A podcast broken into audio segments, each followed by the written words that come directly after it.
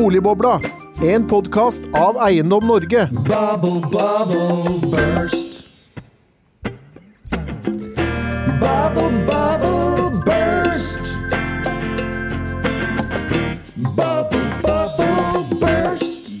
Velkommen til en ny episode av Boligbobla, denne gang med boligprisstatistikken. Og vi spør jo selvfølgelig hvordan ble boligprisutviklingen i april? For boligprisene har steget langt mer i de første tre månedene i 2023 enn mange forventet. Og så langt i år har boligprisene steget med 5,8% og både i februar og mars steg de sesongkorrigerte prisene, noe som indikerer en sterk trend i boligmarkedet. Så hvordan ble utviklingen i boligmarkedet i april? Og for å ta oss gjennom eh, forventningene og stemningen i boligmarkedet, så har vi fått med oss noen flotte gjester før for boligprisstatistikken klokken 11, og det er jo administrerende direktør i Aktiv eiendomsmelding, Karsten Onsrud. Hjertelig velkommen til deg. Og vi har fått med oss stipendiat, eh, tidligere gjest i Boligbobla, eh, i hvert fall én gang, kan jeg huske. Mario Manbre ved NMBU. Tre ganger, eller to, ja. Hjertelig velkommen til deg òg. Mange takk. Eh, Men vi må begynne med deg, Karsten. Du, vi pleier å si her i Boligbobla at vi i Eiendom Norge vi er i boligmarkedet én gang i måneden, men medlemmene våre de er i boligmarkedet hver eneste dag. Ja, ja, vi kjenner på pulsen Eh, daglig. April er jo påskemåneden, da, som i hvert fall historisk har pleid å ha en, ha en effekt. Og eh, hvordan, er, eh, hvordan er inntrykket foreløpig av april, før vi får eh, boligpristallene? Inntrykket vårt, som vi var inne på her tidligere, utfordringen med april i år var jo at da fikk vi hele påsken, så det var få salgsdager. Ehm, Litt rolig start, men har vært en god etterspørsel etter boliger i forhold til de boligene som ligger ute. Og vi opplever at de selges både raskt og til gode priser. Så um, vi har sett at markedet har vært bra. Savna litt selvfølgelig flere boliger ute i markedet, men det har gjort at eh, etterspørsel og tilbud det, ja, Jeg kan jo si seinere hva jeg tror om prisen. Ja, Det må du gjerne få lov til å komme med allerede nå. Nei, hvis, jeg, jeg spår at den, det som blir lagt fram i dag er en god økning. Så fortsatt, fortsatt eh, sterk utvikling er det du, du sier. Ja, ut fra det vi ser, så tror jeg det. Men eh, du var jo også med på, på prognosen som vi satt her i Eiendom Norge med, med vårt styre før jul, og, og vi var jo ikke alene om at, eh, at vi den gang trodde utviklingen i, i 2023 ville være veldig svak. Hvorfor er det på en måte eh, blitt så mye sterkere? Ja, det er et godt spørsmål. Eh, Vi så jo den gangen en effekt av at eh, mye, mye ble dyrere og renta gikk opp, og, og at prisene da gikk ned på høsten. Nå går det jo vanligvis ned på, på høsten, men vi syns det gikk kanskje overraskende mye. Det var jo et betydelig fall Ja. gjennom høsten. Det var vel 6,5 drøyt. Noe sånt, ja. Mm. Um, og da var det lett å spå at det ville fortsette i hvert fall en stund til, og, og vi trodde jo at renta ville fortsette opp. Og, og, og, Det har den også gjort. Og det har den også gjort. Uh, så så um, spådommen var vel at det skulle gå og fortsette litt ned også, kanskje ikke i januar, men februar og mars, noe som det ikke har gjort. Og det vi ser er jo at uh, det er færre boliger ute der, og, etterspørselen holder seg godt, slik at uh, det er tilbud og etterspørsel som krysser på et eller annet punkt, og det gjør at uh, det fungerer greit. Mari, du, er du også overrasket over at renten ikke, ikke har bitt ennå? Nå fikk vi nylig, nettopp nå for eh, 30 minutter siden, rentebeslutningen fra, fra Norges Bank, hvor de setter den ytterligere opp 0,25. Og ytterligere blir det altså annonsert, selvfølgelig, også en i juni. Jeg har Er du overrasket? Ja, renta fortsetter å øke, men det ser ikke ut som om det eh, biter på boligmarkedet ennå. Vi hadde jo eh, tre måneder med fall eh, i fjor. eh, I starten av eh, de bratte renteøkningene, som også var eh, en periode hvor boligmarkedet typisk faller. Eh, Og det som, så, det som kunne være en januareffekt, eh, med høy aktivitet i boligmarkedet tidlig på året, eh, det holder fortsatt nå i mai, mest sannsynlig. I hvert fall per utgangen av april. Så absolutt overrasket over hvor sterkt eh, boligmarkedet har holdt seg til nå. Men, men hvorfor, eh, hvorfor biter liksom ikke renten, da? Altså Én ting er jo selvfølgelig det vi har snakket om helt siden januar, og utlånsforskriften ble, ble, ble revidert, og, og stresstesten ble da redusert fra 5 prosentpoeng til 3 Det er åpenbart en effekt, men, men likevel så er jo det da i første kvartal vært veldig sterkt. Jeg tror jo også, som ble nevnt her, med eh, boligtilbudet eh, kan ha mye å si. Eh, Så ser vi jo at eh, antall boliger lagt ut for salg hittil i år er lavere eh, enn det har vært mange foregående år. Og da er det mest sannsynlig sånn at også de som skal selge bolig, er usikre på om dette er en god timing å selge på. Mm. Og selv om eh, kjøp og salg til viss grad følger hverandre, for mange både selger og kjøper, så er det også en ganske stor del av markedet som bare kjøper, og, spesielt i byene og i Oslo. Eh, Så vi vil også ha førstegangskjøpere, som ofte utgjør rundt 35% av markedet, som bidrar. Vi vil ha et positivt bidrag fra innvandring, som har tatt seg betydelig opp etter covid. Det er mange flyktninger som trenger leiebolig, og, sammen med usikre eh, boligselgere som, som, ikke, som utsetter boligsalg, boligsalg, så får vi allikevel eh, en positiv etterspørselsoverskudd. Så, så du ser derfor kanskje for at dette er noe kortsiktig, eh, liksom det vi egentlig kanskje har sett nå da, så langt i år, eller? Altså jeg tror uh, situasjonen nå vitner om hvor vanskelig det er å spå om boligprisene når renta settes opp, Ja, eh, fordi det er så mye som skjer i, i Mye mikro. annet som skjer, og det er også mer sånn beslutningsprosess, eller hva du skal kalle det. ja. Så vi har jo disse, vi har disse forventningene hele tiden, ikke sant. Så når eh, veldig få eh, Når betydelig færre ønsker å, å, å selge bolig, og, og det er jo veldig typisk at vi ser jo eh, når nedsiderisikoen er stor, og den har jo vært en betydelig nedsiderisiko i det siste, så får vi ofte sånne fall i volum istedenfor fall i pris.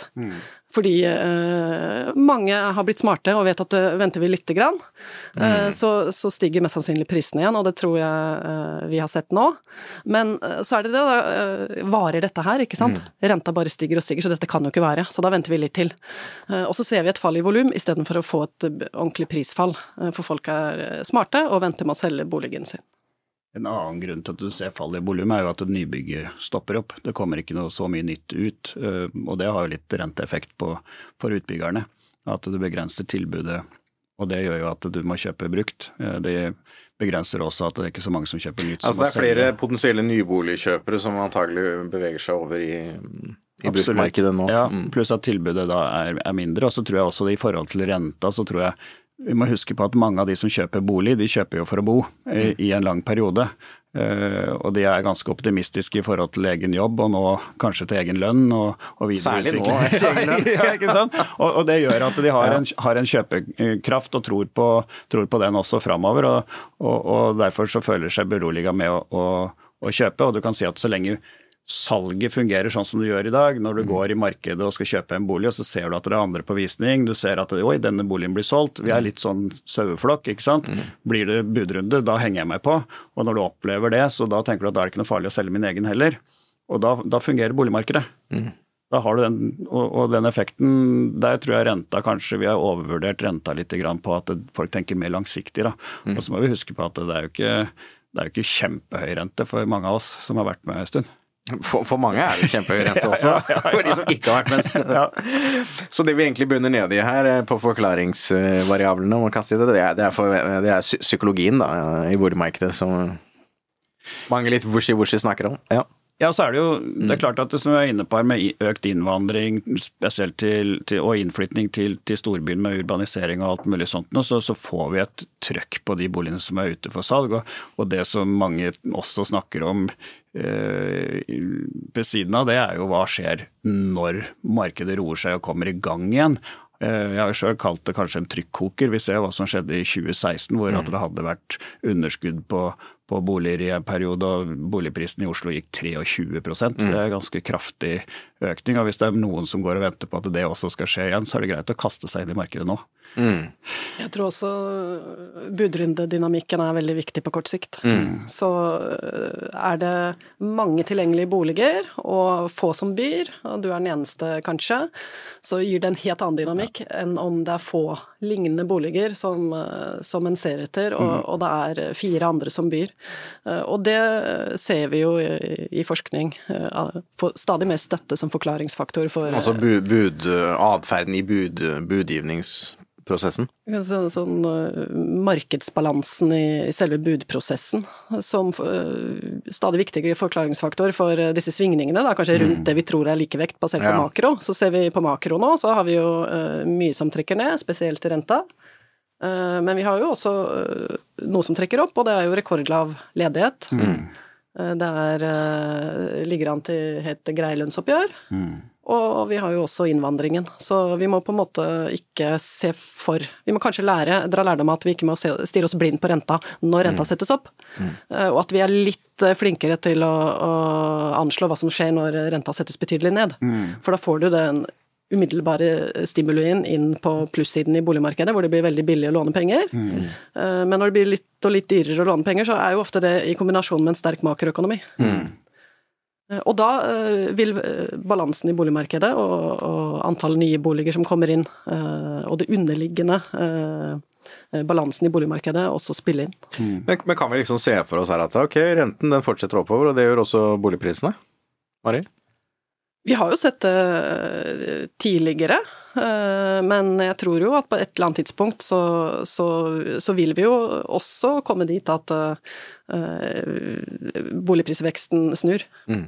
Eh, Så, så Nei, jeg merker meg jo, Det var jo Kjersti Haugland som sa det ved sist uh, boligprisslipp, at uh, nei, her er det noe annet som foregår enn det vi har kontroll på. Hva er det hun sa? jeg tror mikrofiksjoner er viktig nå for Ja. å drive boligmarkedet, og vi vet jo at uh, det kan spille en viss periode, og så når det først snur, så vil jo det igjen også bli selvforsterkende. Så det er jo lett å se for seg at når høsten kommer nå, og, og boligprisen har steget litt, kanskje litt for mye, eh, at vi vil få en liten revers.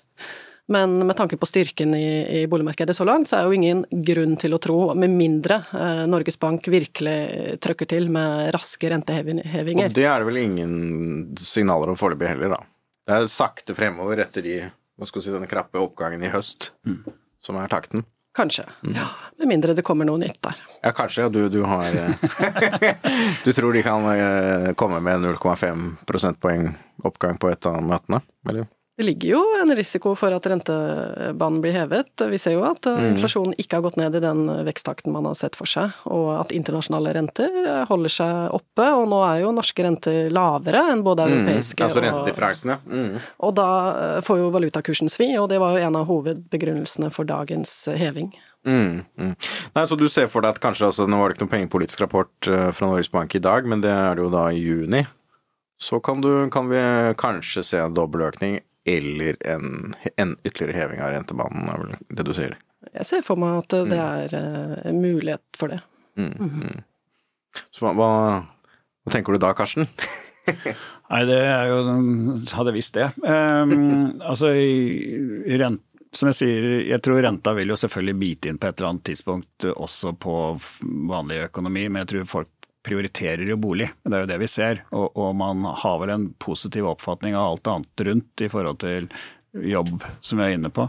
Eh, men at vi får en eh, justering av prisene utover høsten er jo helt vanlig. Mm. August blir bra. Jeg tipper at vi får en flat utvikling nå fram mot og til og med juli, og så kanskje litt ned. Og så får vi opp igjen i august som vanlig. Og så hvis det er mye justeringer av renta, så vil, er, vil det styre litt hvor mye det faller frem til, til jul. Men eh, desember mot desember, jeg, jeg tror vi er, vi er i pluss da. Du er i pluss da, ja. Ja. I motsetning til de minus 3,5 vi Ja, ja. Ja. Og så er det jo litt interessant det som Nå har vi jo virkelig Vestlandet kommet på banen igjen, da. Så ser vi på eh, veksten hittil i år, så er det jo Det må vi jo unne de da, stakkars. Stavanger og Kristiansand som ligger på topp. Ja, ja, ja. Ja. ja, det er bra utvikling. Og der har vi jo også sett en parallell med oljeinvesteringene. Så boligmarkedet der snudde ganske raskt etter at oljeinvesteringene og oljeprisen tok seg opp. Så utviklingen i lokaløkonomi fremover vil jo også bli viktig, og, og da står vi jo også overfor en konkursbølge her i området. Hvor vi ser flere konkurser, som også vil bli Ja. interessant på Østlandet. Og det er jo, altså Boliginvesteringene har jo, er jo en vesentlig uh, impuls i norsk økonomi, og med det nyboligsalget vi ser nå, hvor det vi da tikker ned antagelig i løpet av få måneder mot da bunnivået vi hadde under finans, eller etter finanskrisen, så vil jo det også være en, altså svekke utviklingen i norsk økonomi og gi permitteringer. og Det har vi allerede sett i dag. Så har jo Skanska vært ute og permittert i dag. JDM varslet jo permittering for et par dager siden. Eh, Med de lave salgstallene i nyboligmarkedet, så vil jo permitteringene også komme i byggenæringen. Eller den delen av byggenæringen. Og i neste runde så får vi jo færre gjestearbeidere og færre, eh, leietakere som kommer for å bygge, og, og bygge boliger, og spesielt eh, kanskje da i østlandsområdet, men også i hele landet. Ja, og østlandsområdet blir jo også veldig prega spesielt av hyttebygging også, som heller ikke flyr unna om dagen. Men det bygges jo da på ting som er solgt, altså enn så lenge. Altså, mm, det som skal ferdigstilles nå, det er jo typisk mye uoverlevering inn, inn mot sommeren. Det ble jo solgt da kanskje to år siden, da. Ja, og det, Så og det det er fortsatt en reserve. Ja da, og det meldes jo om ålreit salg på det som er nytt, som, ikke, som er ledig om ikke lang tid. Og det der går jo på psykologien igjen i boligmarkedet. Skal du kjøpe en nybolig nå, og du, ikke, og du er usikker på hvordan markedet blir framover, så er det mye mer usikkert å kjøpe nå, selge om to år. Mens nå er du på en måte med tilsvarende en bruktbolig, da, det som er, snart er ferdig. Så, så for vi er jo en situasjon altså her i Oslo da, hvor det nesten ikke er lagt ut nye prosjekter i, i nyboligmarkedet i år. Mm. Og utbyggerne nesten er utsolgt. Mm. altså, det er jo en paradoksal situasjon. Altså, ideelt sett så burde jo dette vært eh, mye mer stabilt. Gitt at det faktisk er jo et behov i, i, i boligmarkedet. Og det er jo noe eh, vi ser eksempler på, eh, at noen kommuner har fått til mye bedre enn andre. At man har sånn type langsiktig samarbeid, og med langsiktige planer. Og et område som, som Oslo, for eksempel, som, hvor boligprisen og boligmarkedet svinger så raskt. Mm. Det gir jo veldig uønskede svingninger også i nyboligtilskuddet, mm. og spesielt salgene. Og når byggingen også blir eh, bestemt av det, så, så gir jo det, som du sier, også svingninger i norsk økonomi. Så eh, jeg ville ønsket meg at man også gikk lenger i retning av å, å bygge og, og selge og ha planer på tross av, av markedet, og at vi kunne se på type sikkerhet for at utbyggere eh, kunne realisert det. Mm. Ja, Obos har jo strukket seg langt for å bygge da på den egenkapitalen de har hatt, har jeg sett. Men eh, vi er jo Eiendom Norge-konferansen blir jo om en eh, drøy måneds tid, og da har vi jo fått uh, Andreas Halse fra Oslo bystyre, og han har jo kommet med et forslag om at, uh, at staten og kommunen skal gå inn og kjøpe boliger i nyboligprosjekter som en slags hva skal si, motkonjunkturtiltak på den ene siden, men også for et, som et tiltak for å få større stabilitet i boligbygging for å unngå nettopp disse store svingningene, hva skal vi si, boom-bust-svingningene som de kaller det. Hva, hva, hva tenker dere om det? Marie først. Vi har jo eksempler på øh, veldig aktiv sånn motkonjunkturpolitisk tankegang i norsk økonomi, når vi, tenker, når vi ser på øh, at staten Historisk, bruker penger ja. ja. Oljebremsen, blant annet, ja. Mm. Nei, altså mm. også i nåtid så er det jo akkurat når norsk økonomi går dårlig at staten går inn og, og renoverer ekstra veier og bygger skoler og, og kjøper opp. Så den type motkonjunkturpolitikk jo, har jo vært uh, gjennomført med ganske stor suksess. Så er det jo spørsmål hvor stort volum uh, dette budsjettet til kommunene er. Så, så hvis det er uh, så lite som jeg kanskje kan forestille meg i forhold til de store markedskreftene, da, så er det kanskje ikke så Så du skal opp på betydelig volum, eh, eller betydelig størrelse, før, før det har en, har en stor effekt, ja. Det må man. Og det har jo statsbudsjettet. Der har man jo mulighet til å sette i gang virkelig store Mm. eh, infrastrukturprosjekter, f.eks., som mm. setter i gang eh, ganske mange hoder og hender. eh, og gir en positiv impuls i norsk økonomi, men jeg er litt mer usikker på hva kommunene har å rutte med som virkelig kan, kan dra det markedet. ja. Karsten, hva tenker du? Jeg, jeg, jeg er vel litt mer skeptisk til hvordan det vil funke. fordi det, Da må du kjøpe såpass mye at du kommer over den terskelen med at du igangsetter prosjektet. Men allikevel så skal jo resten være salgbart. Og, og en av utfordringene da er jo å regne hjem boligprisene på et nytt prosjekt, fordi at byggekostnadene har økt såpass mye. Du vil ha den samme tomtebelastningen. Så hvis du selger 50% til kommunen, så skal du likevel selge 50 til, Til, for at eh, du som utbygger skal være fornøyd. Du skal sitte med den tryggheten.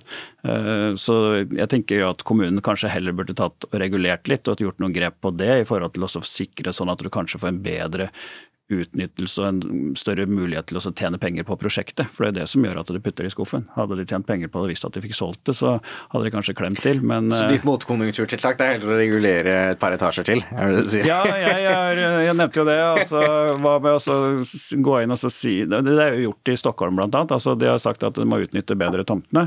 Eh, legg på en etasje eller to, da. Kanskje du får en bedre utnyttelse av den tomta og kostnadene som ligger der. Og, og renta biter jo fælt på de tomtene som ligger ubrukt i, om dagen for en utbygger, så vi vil jo se at de kanskje blir desperate etter å kvitte seg med tomter også. Men kan du da få lov til å bygge mer enn det du har i første runde regna på, så kan det bidra til at du får hjem prosjektet og kan legge det ut for salg. For en Men da kommer arkitekturopprøret, arkitekturopprør, da kommer alle naboene. Det er kanskje vanskeligere.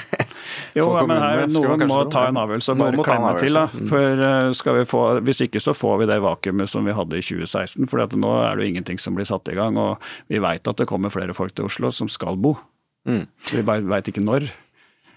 Nei, Vi var jo nylig på en frokostmøte, et av de mange frokostmøtene om boligbygging, så, hvor det spøkes med at jo flere frokostmøter, jo tregere går det. Men, men da var det en prestasjon fra Bakke-gruppen, og, og, og altså, det var jo nedslående de regnestykkene han presenterte. Altså Hele marginen er jo borte Ja. i eh, byggekostnadene på toppen, og finansieringskostnadene, og delvis også litt mer moderat, eller altså boligprisfall i høst, da. Og hvis kommunen da kjøper halvparten av de boligene, så skal resten også selges Resten til tap. da. Nei, så noe, noe må jo ut her, da, ikke sant. Ja, ja. Enten så må boligprisene veldig mye opp, eller så må byggekostnadene veldig mye ned. Ja, og med lønnsjusteringer Mm. som kommer nå, når byggekostnadene eller varekostnadene går ned, så utjevner det seg jo lite grann, da. Um, Ja, altså nå, nå er jo rammene for lønnsoppgjøret er jo klart, og Ja. 5,2 var det vel. Og, og det er klart at dette skal jo også da utbyggerne, de skal jo også dekke dette. Mm. Samtidig som de da har jo økte priser både gjennom importert For mye av det de produktene de kjøper, kommer jo utenlandsfra. De er også rammet av valutakursen. Så dette er jo et, det er en krevende situasjon åpenbart for, for utbyggerne. mm. Sånn sett har jeg jo sansen for initiativet. At man tenker eh, initiativet som går på å ta mer aktivt grep om boligpolitikken og, og byggingen. Og da er det jo mange eh, andre ting man også kan gjøre, i tillegg til økt regulering.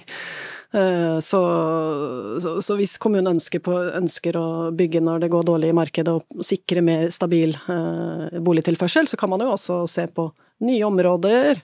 Man kan se på å gi lavere, tilby lavere grunneierbidrag i områder hvor det er ganske svake markeder, f.eks. i Oslo øst og, og sør. Eh, andre områder i Norge. Og man kan eh, begynne å snakke med utbyggere, hva skal til her for at skal, vi skal komme på plussiden, og at disse prosjektene skal bli realisert. Og imøtegå de både med lavere kostnader eller, eller bidrag, eh, eller litt mer fordelaktige reguleringer. Så jeg tror det er mye man kan gjøre hvis man ønsker å ha en mer aktiv boligpolitikk i er- det er vilje det står på, er det du mener? Ja. Vilje og kanskje verktøy. eh, At eh, vi har fått en kultur hvor eh, utbyggere kommer og presenterer sine prosjekter, og så sitter kommunen mange steder og, den klassiske forhandlingssituasjonen. Ja. og, og vurderer dette, og så, og så er, jobber man kanskje ikke helt i samme retning, men man har litt ulike agendaer, og så har man også veldig mange andre hensyn, som krav til miljø og universell utforming og, og medbestemmelse, som også når høyt opp. Så, så volum av, av boliger og det å bygge ut i nye områder eh, havner jo ikke veldig ofte helt på toppen i den prioriteringen. Nei, det som, det som jeg har tenkt på når det gjelder dette byggekostnadene, som er jo paradoksalt, er jo det at eh, krav til boligbygging er jo blitt økt parallelt med at rentene er blitt satt ned. med et lite unntak av 2017, der hvor det ble litt justeringer av byggeforskriftene. Men, men det er jo det har kanskje vært litt vel enkelt da, for myndighetene å, å lesse på både med tekniske krav, men også kommunale krav og normer og regler i den, si, den makrosituasjonen vi har hatt uh, de siste årene, ti årene, enn uh, en det som vi kommer inn i nå. Det har nok vært lettere, og nå har vi jo også mange krav som blir da fordyrende elementer, som du sier, og, og nå er vi jo også en tid hvor gjeld er dyrt, eh, og særlig utbyggere eh, vil jo gjerne måtte lånefinansiere eh, mye av prosjektet. Så, så når alt blir dyrere, eh, så er det klart at eh, marginene blir dårligere. Så dette er jo en god tid å kanskje vurdere å kutte både fordyrende krav og, og se hva man kan imøtekomme med i forhold til det som kommunene råder over, da. Nei, og så er det spørsmålet om det blir noe, blir noe vilje fra denne regjeringen. Det, er jo, det er jo annonsert en boligmelding, og den, den har de jo bestemt seg for å bruke da var det tre og et halvt år på. Så, av perioden på fire, så spørsmålet er om det, det kommer noe ut av dette. Eh, hva, hva ser du om eh, Hva skal se litt lenger ned i, i, i veien, hvis man ikke får gjort noe med kostnadssiden, f.eks.? Er det bare at boligprisene må opp som kan få i gang byggingen? Eller? Nei, men altså, det er jo ingen av disse her utbyggerne som driver med veldedighet og vil sette opp uh, uten å tjene penger på det og være sikre på det. Så de legger det jo da heller i skuffen, og det vil jo føre til konkurser og, og mye utfordringer rundt omkring. Så, så, så noe må jo må de gjøre. Eh, enten så må de si opp folk, eller så må de finne en lur måte å bygge og utnytte på. Og hvis kommunene tviholder på, på kravene sine, så er det vanskelig å regne det hjem, da. Så da, og det vil jo igjen gjøre noe med boligprisene, fordi at da har du, vi har snakket, sagt det før, til- tilbud og etterspørsel, og tilbudet er lavt, og etterspørselen vil jo være der og, på en eller annen måte.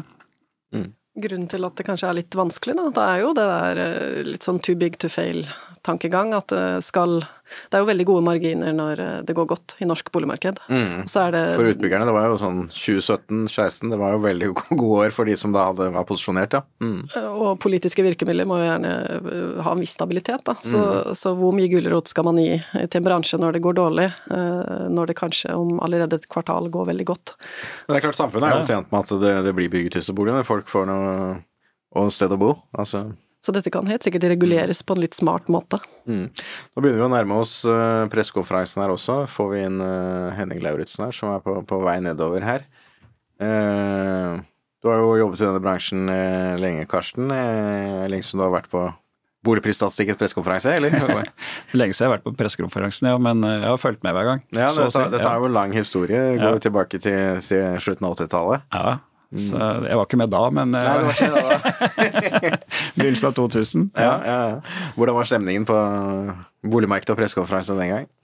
Det er, eh, det er nok større iver rundt i, i dag enn det det var den gangen. Uh, ja.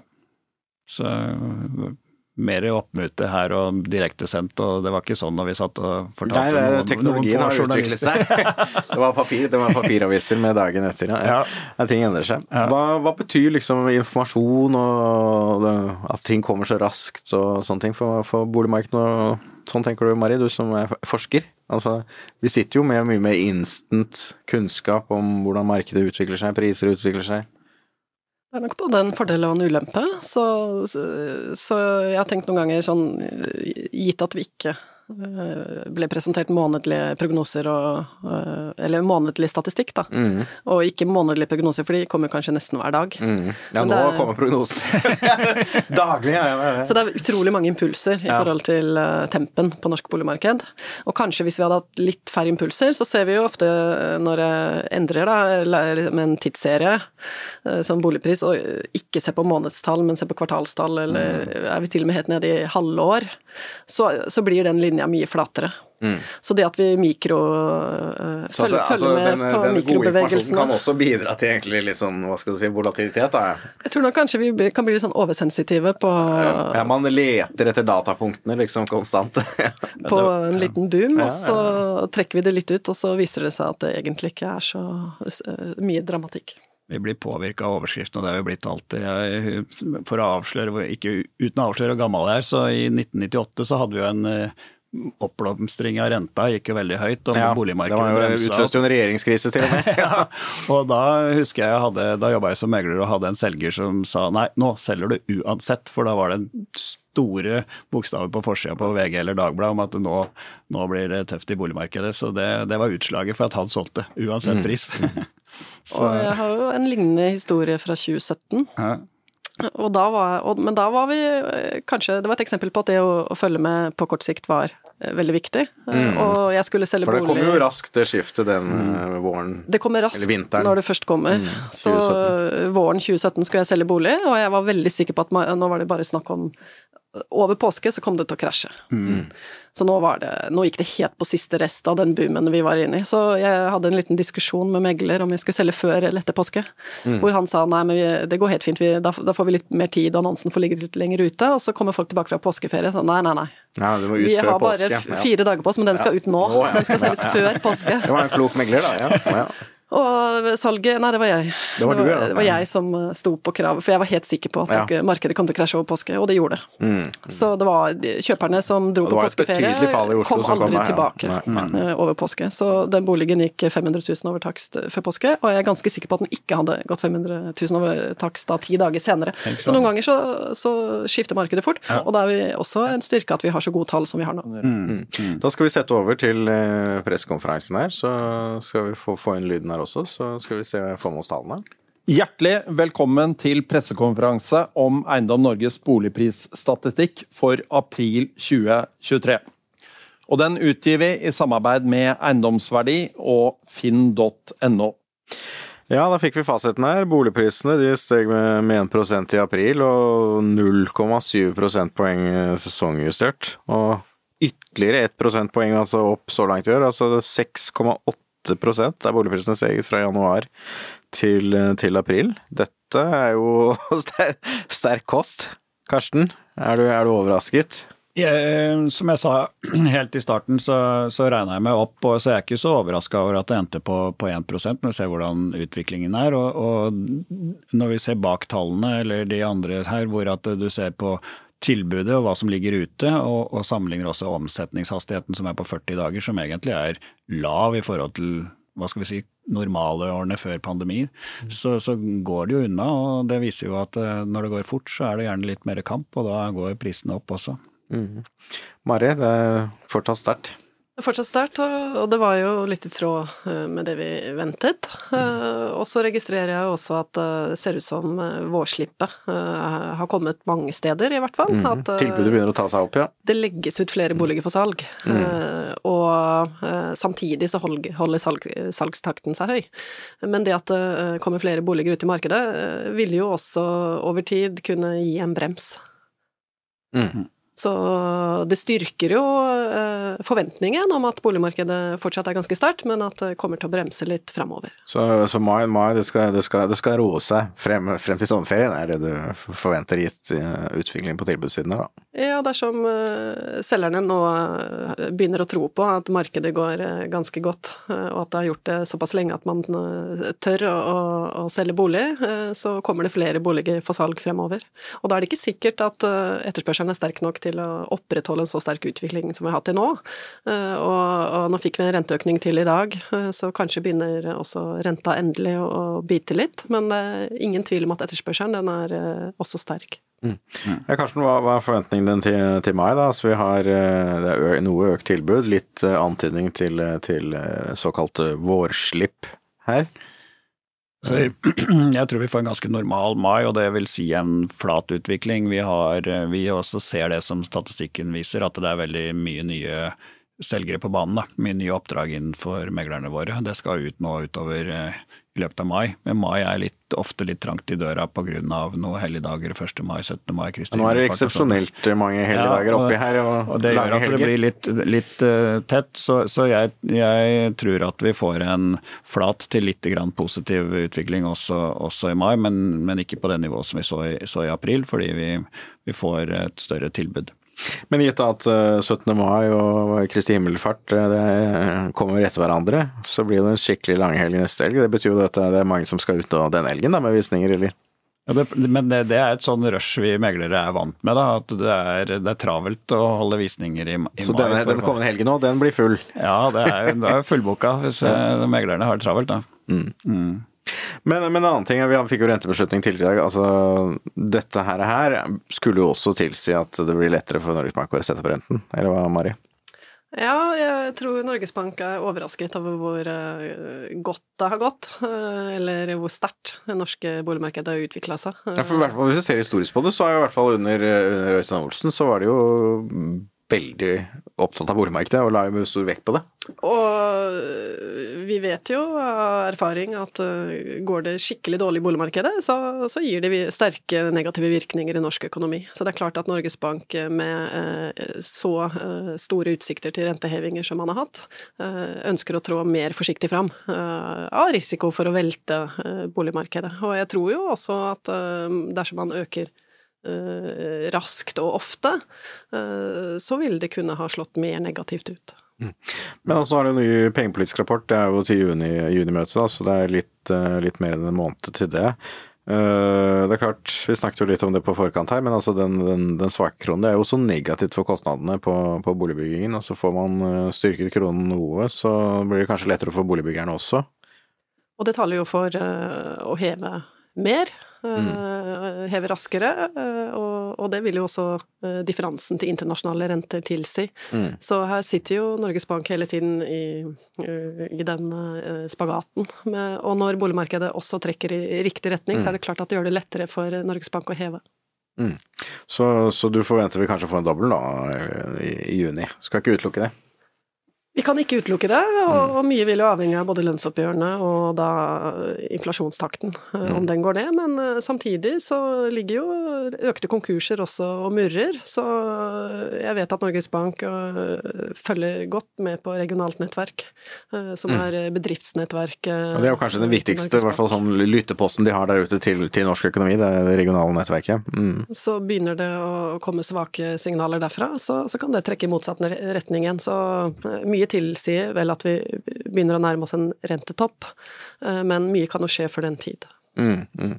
Så f først skal boligprisene liksom dabbe av litt, og så skal ordreinngangen gå. er det ikke det som er sånn resesjonstakt? Så I får vi- USA i hvert fall, ja. Får vi også håpe da at eh, inflasjonen uh, får et ordentlig uh, trøkk nedover snart. Mm. Nei, altså det er jo også strømprisene, som vi har jo hørt fra SSB er den viktigste impulsen til, eh, til, til, til eh, KPI, og det er jo nå jeg var inne og så på værmeldingen her i går. Det var jo, er jo altså tidenes snømengder i norske fjell. På et eller annet tidspunkt så må de strømprisene, eller det vannet, må renne nedover. For å si det sånn. Og det, det, strømprisene bør gå nedover utover våren nå. Og det er jo også en uh, litt viktig diskusjon, da. Altså hva består inflasjonen Av, av? ja. Så- Det er et stort emne. Og det er faktisk utrolig få som forsker på inflasjon. Eh, Er det det, ja? Selv om eh, det er eh, det viktigste som eh, Norges Bank styrer etter, så, så vet vi ikke veldig mye om eh, avveininger knytta til liksom, komponenten av inflasjonen. Så, så her har det jo vært en del som har påpekt at uh, inflasjonen er uh, så energidrevet, så Mm. eh, strømprisdrevet, at eh, Norges Bank bør se bort fra de høye tallene, i hvert Mm. fall på kort sikt. Så, men men hvorfor, hvorfor vet man så lite om inflasjonen, da? Gitt at, gitt at da alle sentralbankene har gått over til eh, Gikk over til inflasjonsmål da slutten av 90-tallet, overgang til 2000. Ja, Det er jo en litt, hva skal du si, en litt eh, svakhet ved forskningsfronten, vil man kanskje kunne si. Jeg tror inflasjonsforskning hadde sin uh, gulletid for uh, 30 år rundt den tid. liksom, ja, ja. ja, 20 år Mm. siden, da vi gikk over til inflasjonsmål, og så, og så har det dabbet av som forskningsfelt. Uh, så Det er jo kanskje ikke så rart når da inflasjonen har vært for lav i manges øyne. ja. Det har jo ikke vært noe inflasjon i norsk økonomi uh, Mm. på lang tid, og, og det har jo vært et ikke-tema. Så Mm. det blir spennende å se om uh, inflasjonsforskning vil få et uh, oppsving nå når prisveksten plutselig har tatt seg opp i Mm. mange vestlige land. Skulle jo tro det blir mer spennende å forske på nå når det ikke er så flatt lenger, i hvert fall. Ja, det er jo helt trend, trender innen hva som er aktuelt i forskningsverdenen også. Men eh, noen mener jo vi har inflasjon i boligpriser. Eh, Karsten, eh, skal vi fortsette oppover inn mot sommeren? Ja, Du pirka jo borti den prognosen vi satte før året på minus tre. Den må vi kanskje få kaste. forkaste. ja, jeg sa jo i, i stad tidligere i dag at, at vi, vi ender nok pluss i, i desember mot desember, og, og det tror jeg jo på. Det er ikke noe mindre trua på det nå etter de tallene som kom i dag, men, men mer flat utvikling som sagt fram mot uh, kanskje litt ned i juli, eh, som er vanlig. Og så får vi alltid en liten eh, oppgang i august. Eh, Jeg ser ikke noe forskjell i det. Blir renta satt opp eh, en dobbel heving på det, så er det klart at det vil bite på et eller annet tidspunkt. Og vi ser jo at, eh, at det er mye hva skal jeg si, lånebevis ute der som mm. kanskje må justeres og trekkes tilbake. Og, og det vil ha noen påvirkning for, for de som er i boligmarkedet. Men eh, de fleste er jo langsiktige. Eh, Men en prisnedgang à la den vi hadde i fjor, kan vi jo fort tåle og allikevel havne i, i, i pluss utover høsten. Og så er det de regionale forskjellene her. Det er jo fortsatt altså Kristiansand og Stavanger, som vi snakket om mm. i sted også, som, som leder han nå. Og det andre som har vært å merke seg, er jo det at altså, prisnivået i Kristiansand har jo ligget i kroner og øre noe under de andre byene, mens Oslo har ligget eh, godt over. Men nå er Kristiansand i ferd med å jevne seg ut, så altså alle de hva skal vi si, eh, mindre store byene i Norge begynner å få et ganske likt prisnivå her. Og Det er jo positivt for den regionen på Sør Sørlandet og Sør-Vestlandet hvor det har vært veldig moderat lenge. Det koster vel eh, snittboligen rundt 6,5 millioner i, i Oslo. Og Fire, det- fire og en halv i de andre byene. ja. Omtrent innslagspunktet for eiendomsskatt i Oslo også, så Ja. da har vi på en måte eh, gjennomsnittsboligen som Det er stadig flere som må betale eiendomsskatt i Oslo, er det vel? Rundt eh, 50% nå som betaler eiendomsskatt, Mm. mot 25% når vi startet. Så, eh, så ligger vel eh, boligprisene rundt mellom 4 og 4,5 millioner de fleste andre steder. Så det er jo en eh, differanse på omtrent to millioner, og, Mm. og differansen var jo større. Uh, spesielt til vestlandsbyene Mm. eh, for ikke lenge siden. Nå ser vi jo mange av byene utvikler seg likere igjen. Og sånn summa summarum så er jo det positivt, i hvert fall for Kristiansands del, vil vel kanskje mange mene. Det vil jo kunne bidra til økt mobilitet Mm. eh, i arbeidsmarkedet. Mm. Eh, og når det utvikler seg veldig ulikt, da, som vi så spesielt når oljeprisen krasja, Mm. eh, så er det jo mange som ikke får solgt boligen der hvor det ikke er jobber, og så er det veldig dyrt å kjøpe bolig der det er jobber. Eh, Da var jo østlandsområdet veldig sterkt. Mm. Så når det går eh, bedre, eh, bra mange steder, og salgene holder seg oppe, så vil jo det kunne gi eh, litt bedre flyt av arbeidskraft inn og ut av ulike arbeidsmarkeder. Og det er jo vi som økonomer glad for. Mobilitet, det, det er jo positivt. Så ikke for stor eh, regional ulikhet, eh, og mobilitet er bra. Mm. Men eh, det er vel folk gjort noe studie på det i Norge, men, men internasjonalt så er det jo forsket på at det, høye boligpriser i enkelte områder kan jo svekke faktisk den økonomiske utviklingen i, i landet som helhet. Absolutt. Så mm, så det er bra. Det andre er jo, eh, når det gjelder Sørlandet, i hvert fall som vi hører, er jo det at det er jo enorme, store investeringer i offentlig, altså såkalt aktiv næringspolitikk. Eh, både annet i Arendal, batterifabrikker, men også Lindesnes, hvor det er eh, havvind og ulike energisatsinger. Du, kan, du skal ikke se bort fra at dette også er i ferd med å dra deler av den regionen oppover. Hva, hva tenker du om det, Mari? Nei, vi ser jo nettopp det at eh, si mindre steder og, steder som er veldig knytta til én eh, sektor. eh, det vil jo, da vil du ha den koblingen på både godt og vondt, da. Mm. Så eh, sånne type investeringer i områder som eh, drar eh, ekstra godt nytte av det, vil kunne ha mye å si. Eh, Så det er jo utrolig vanskelig å lage regionale eh, boligprisprognoser basert på samme modell. Jeg har prøvd. Ja, Fordi eh, Fordi det er sånne si, strukturelle ulikheter. Ja. store strukturelle ulikheter, og at én sektor gjør det bra i Oslo, vil kanskje ikke ha så mye å si, men at én sektor gjør det bra i, i Alta eller Så Mo i Rana, da, hvor det da skal bygges batterifabrikk, og selv om lisenskontoret Erna Solberg var jo forrige gang, og så da fikk vi reddet de ansatte på lisenskontoret med å sette Nasjonalbibliotekets digitalisering av arkivet ditt. Det, det har betydning. Det kan jo virkelig Mm. dra eh, i den lokale økonomien og gi helt Mm. annet eh, utslag på, på boligmarkedet.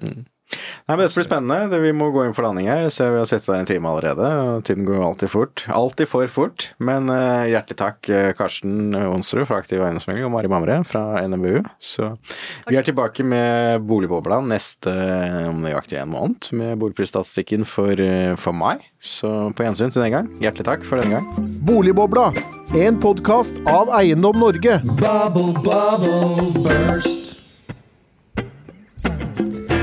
bubble, bubble burst. Bubble.